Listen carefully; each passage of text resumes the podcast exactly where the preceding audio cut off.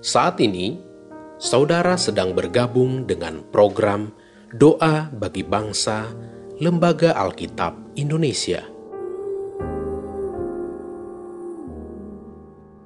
Doakan, wartakan, donasikan melalui li.nk.tr.ee slash alkitab. Shalom, Bapak, Ibu, dan anak-anak yang terkasih dalam Tuhan.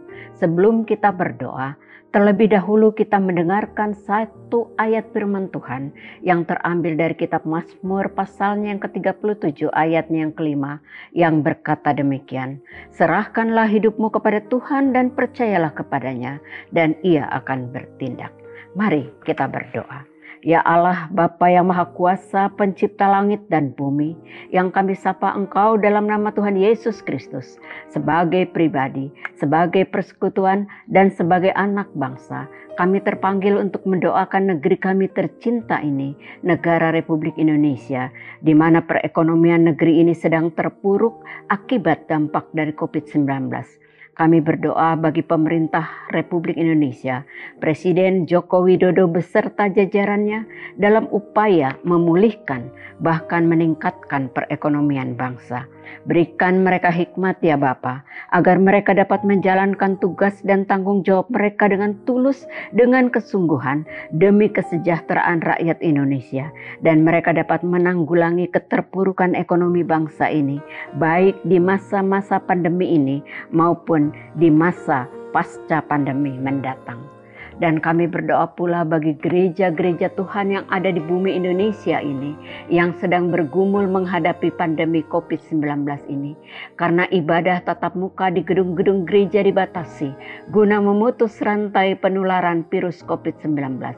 Biarlah Tuhan engkau turut campur tangan di dalamnya agar ibadah-ibadah tatap muka dapat tetap berlangsung tentunya dengan memperhatikan protokol kesehatan.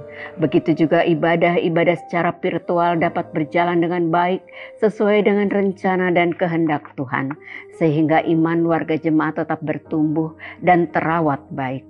Secara khusus kami berdoa bagi para lansia, orang-orang lanjut usia, di mana kondisi fisik dan imun mereka yang lemah, sehingga mudah sekali terpapar oleh virus COVID-19 yang sedang mewabah melanda negeri ini.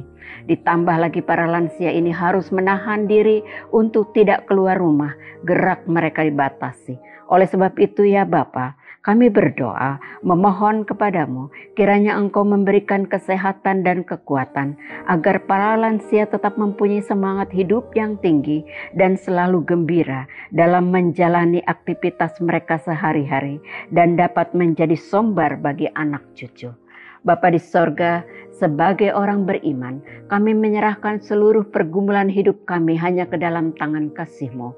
Biarlah Engkau sendiri yang akan bertindak. Di dalam belas kasihan anakmu, Tuhan Yesus, kami berdoa. Amin.